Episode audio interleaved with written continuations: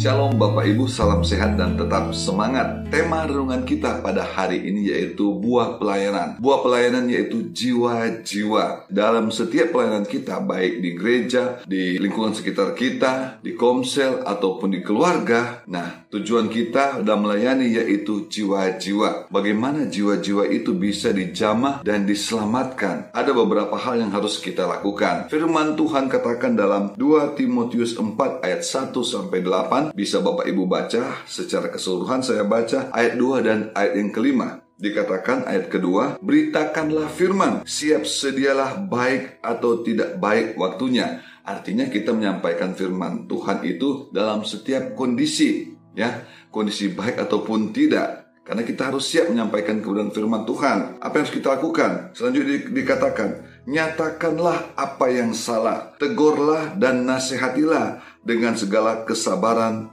dan pengajaran. Nah, Bapak Ibu Saudara-saudara, kita menasihati seorang, kita menegur seseorang itu dengan penuh kesabaran, menyatakan apa yang salah. Dasarnya dari mana bahwa itu salah? Yaitu dari firman Tuhan. Makanya kita harus memahami kebenaran firman Tuhan terlebih dahulu supaya kita bisa tahu itu salah atau tidak. Nah, dari firman Tuhan ini kita bisa menyampaikan kebenaran apa yang Tuhan kendaki kita bisa nasihati dengan baik, dengan penuh kesabaran, dan jangan menghakimi. Kita menasihati karena kita mengasihinya. Nah, sering kali kita berhadapan dengan orang-orang yang susah kita nasihati, maka kita harus menguasai diri kita. Ayat yang kelima dikatakan, "Tetapi kuasailah dirimu dalam segala hal, sabarlah menderita, lakukanlah pekerjaan pemberita Injil, dan tunaikanlah tugas pelayananmu. Bapak, Ibu, Saudara-saudara, kita tetap harus menyampaikan kebenaran firman Tuhan,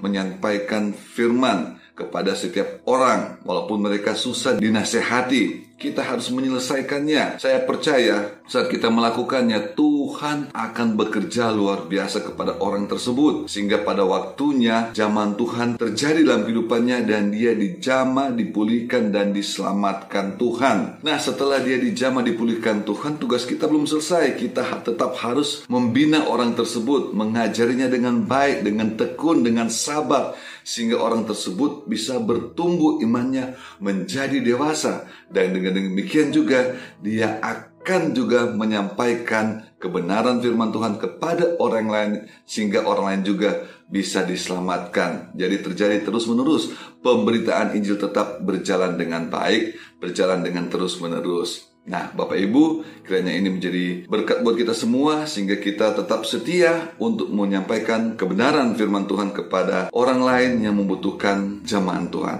Tuhan Yesus memberkati. Amin.